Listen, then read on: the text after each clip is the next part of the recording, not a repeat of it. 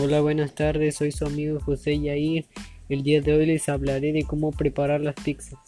Es una preparación culinaria que consiste en un plano habitualmente de forma circular elaborado con harina de trigo, levadura, agua y sal, a veces aceite de oliva, que comúnmente se cubre con salsa de tomate, queso y otros, y otros ingredientes y que se hornea a alta temperatura, tradicionalmente en un horno de, a la leña.